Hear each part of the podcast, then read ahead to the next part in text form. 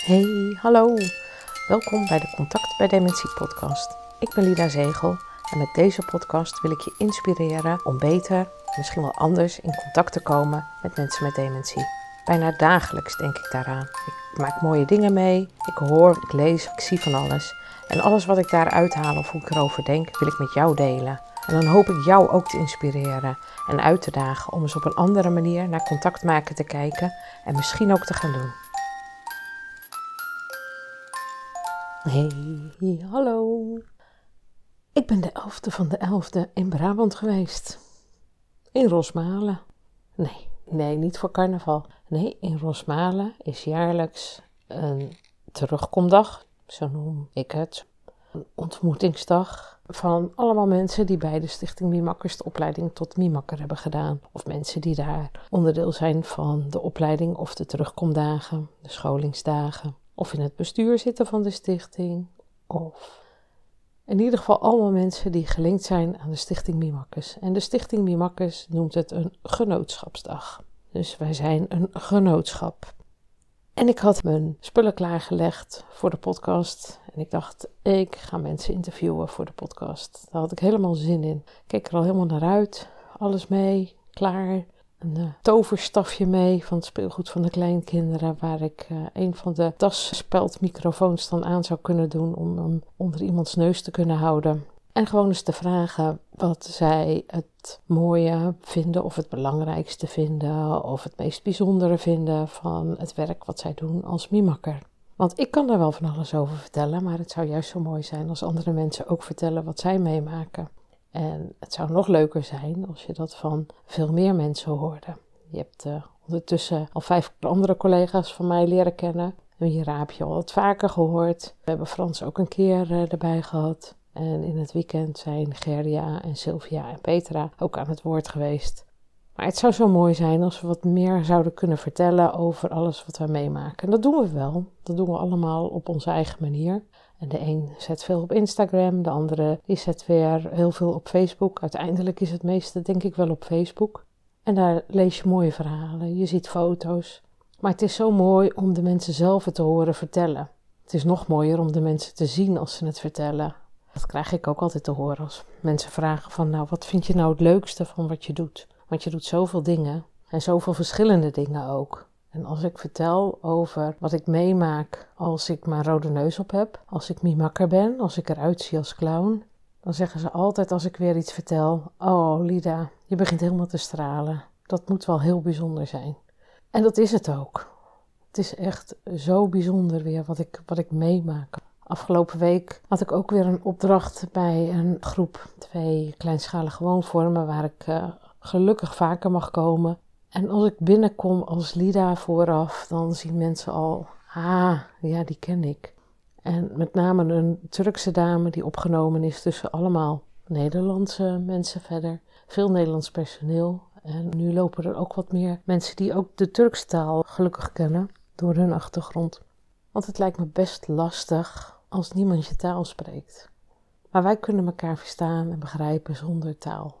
We spreken wel onze eigen taal tegen elkaar, maar we begrijpen elkaar altijd. Dat is altijd wel moeilijk te begrijpen voor mensen die ons met elkaar zien praten en die denken van ja, ja, het zal allemaal wel. Ik weet niet wat ze zegt, ik weet niet precies de inhoud, maar ik voel wel wat ze zegt. En als ik als Lida kom, nou, dan herkent ze me dus al en dan gaat ze, begint ze al te glimmen. Van oh ja, je ziet dat ze al beseft, er gaat zo meteen weer wat gebeuren. En of ze precies weet dat ik mijn neus dan opzet of niet, dat weet ik niet helemaal bij haar. Omdat zij dat, ja, nee, dat zegt ze echt niet. Maar ze herkent me wel. Ik ga me omkleden en ik kom terug. En ik krijg meteen een glimlach van oor tot oor en hele verhalen. Toen ik mijn bezoek af had gerond en weer omgekleed was en als mezelf terugkwam, toen kwamen er ook weer allerlei verhalen bij deze dame los. Waarbij een paar personeelsleden die verstaan wat zij zegt, die zeiden: Ze zegt nu dit, ze zegt nu dat. Ik zeg: Ja, dat weet ik. Als je niks had verteld, dan had ik jou verteld dat, dat ik denk dat ze dit zegt. Dus dat is heel mooi, want ik begrijp haar gewoon. Dat ze mij gek vindt en dat ze me raar vindt, maar dat ze dat eigenlijk ook wel heel erg fijn vindt. En dat ik haar mag plagen, maar dat ze me dan net zo hard weer terugplaagt. En dat zijn zulke mooie dingen die ik meemaak.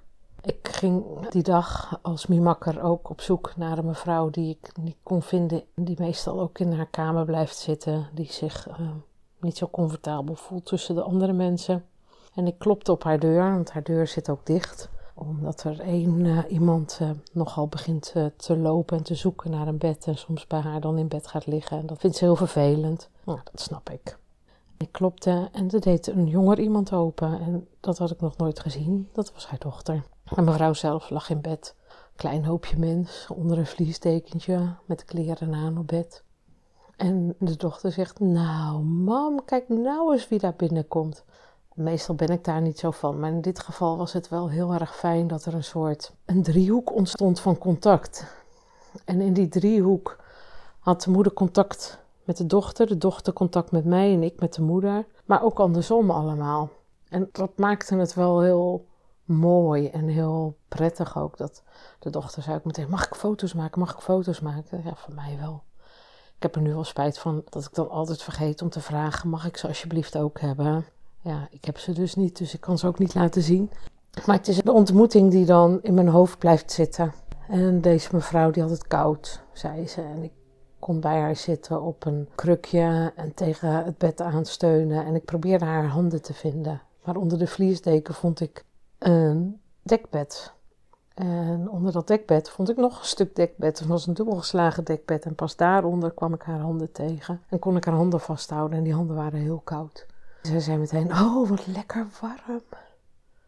Dus ze voelden het wel. Het is een mevrouw die altijd heel gastvrij is en blij is als ik bij haar langskom en honderd uitpraat.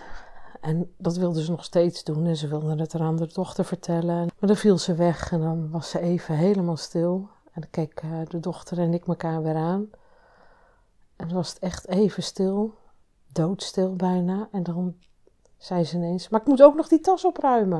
En dan schoten die dochter en ik in de lach, want het was gewoon zo komisch hoe dat ging ook. En als ik lag, beweegt mijn hele lichaam. En mijn hele lichaam zat weer tegen dat bed aan, omdat ik daarop steunde om vervolgens de handen van die mevrouw vast te houden.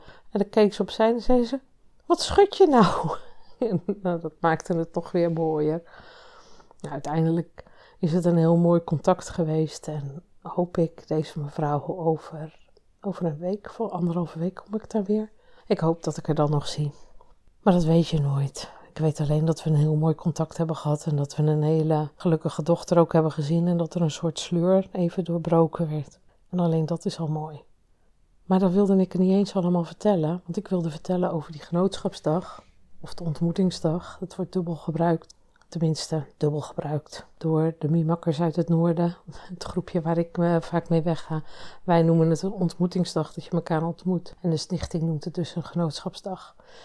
Op de genootschapsdag is er altijd van alles te doen en maken we ook veel mee met elkaar. Maar het belangrijkste is dat we elkaar ontmoeten. We hebben best een solistisch beroep. En lang niet iedereen heeft collega's of spreekt veel met zijn collega's als ze al collega's hebben. Dus het is ook heel fijn om elkaar te ontmoeten en verhalen met elkaar uit te wisselen. Het mooie was dit keer dat er, er wordt heel veel verteld over wat de stichting doet en wat ze allemaal zouden willen. En maar er zijn ook voorbeelden dat het wat actiever is. Het begon heel mooi met mensen uit de opleidingsgroep nummer 50. Jeetje, de opleidingsgroep nummer 50. Ik weet dat ik dacht dat ik al een oude groep was, maar ik heb uh, in opleidingsgroep 13 gezeten. Dus ja, de tijd gaat maar door, gaat maar door. Maar uit opleidingsgroep 50 lieten ze zien wat afstemmen was. Want het thema van deze dag stond in het teken van afstemmen. Afstemmen is misschien wel het allerbelangrijkste, zeg ik altijd. En dat eh, las ik vervolgens ook voor toen er na afloop werd gevraagd: wat is voor jullie afstemmen? Waarom is afstemmen voor jullie zo belangrijk? En toen kon ik zeggen: Nou, kijk vooral naar mijn uh, podcast, want nummer 35 ging over afstemmen. En ik denk dat afstemmen het allerbelangrijkste is voor het hebben van contact.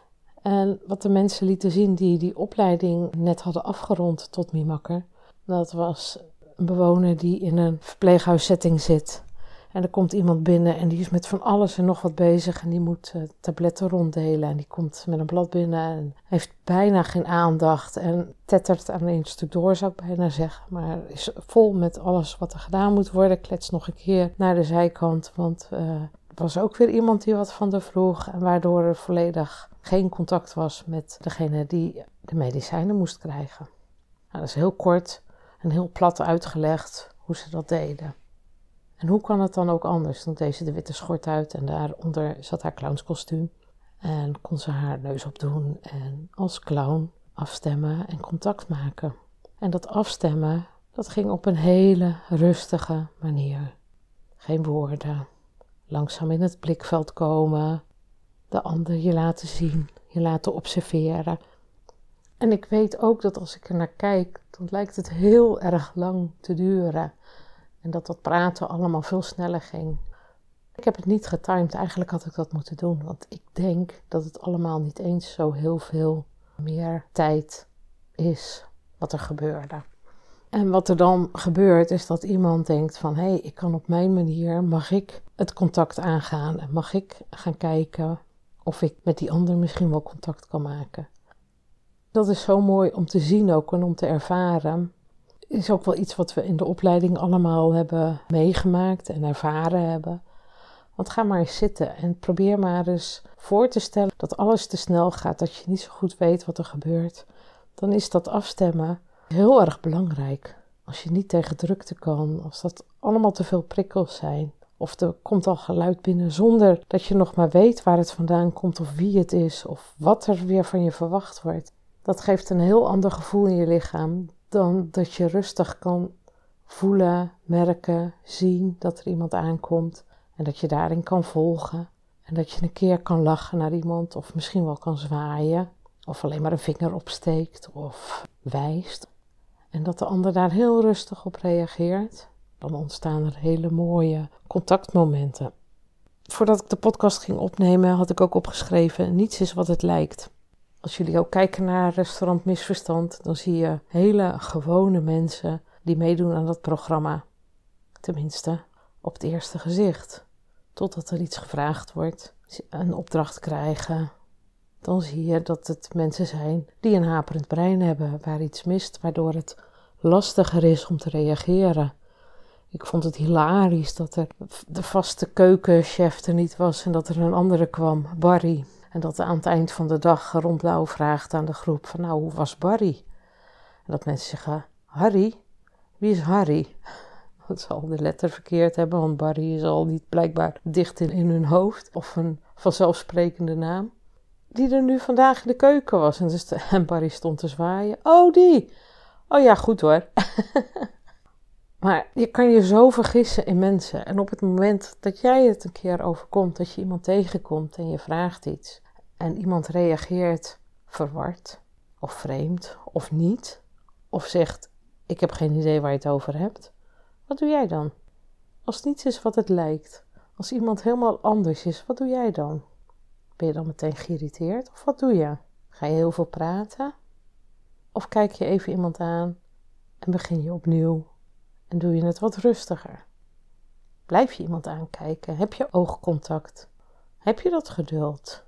Kun je het gewoon heel rustig brengen dan? Dat is afstemmen. En niets wat het lijkt. Ja, daar kan ik nog zoveel meer over vertellen. Dat alles iedere keer weer anders is. Ook mensen die nog vrij goed lijken. Misschien is dat ook wel een, een goed voorbeeld over niets is wat het lijkt.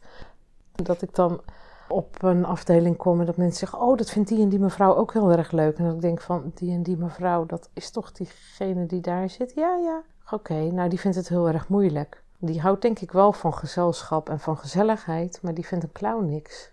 En dan weet ik al, omdat ik daar vaker ben geweest, dat ik haar misschien wel drie keer even moet voorbereiden en zeggen: Ik ben hier vaker geweest en ik wil u even waarschuwen, want anders schrikt u straks weer zo.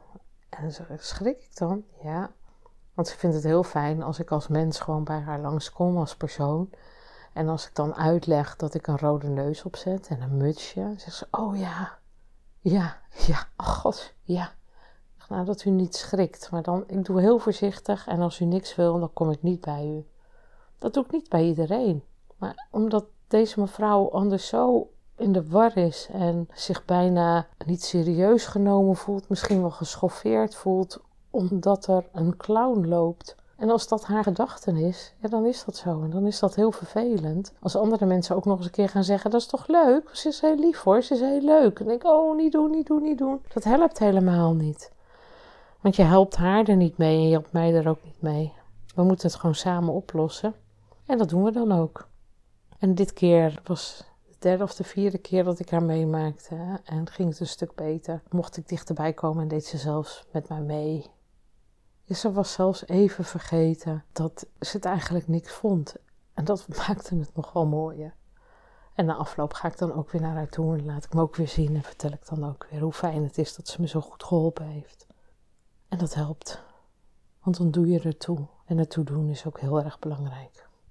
Ja, helaas. Dus geen interviews met mijn collega's. En waarom ook niet? Want dat heb ik volgens mij nog niet verteld. Dat heb ik niet gedaan omdat het zo rumoerig was. Moet je voorstellen dat er, uh, nou lang niet iedereen was er, maar dat er zo'n honderd mensen door elkaar liepen, riepen, praten, aten met kopjes, met uh, want we hadden ook nog een lunch. Dus continu geluid, getik. En als ik luisterde door mijn microfoon, dacht ik van... oh nee, dit is echt dit is niet te doen. Daar komen we niet bovenuit. Dat is eigenlijk... Uh, nee, dat is niet een haalbare kaart. Dus dat was ook niet wat het leek.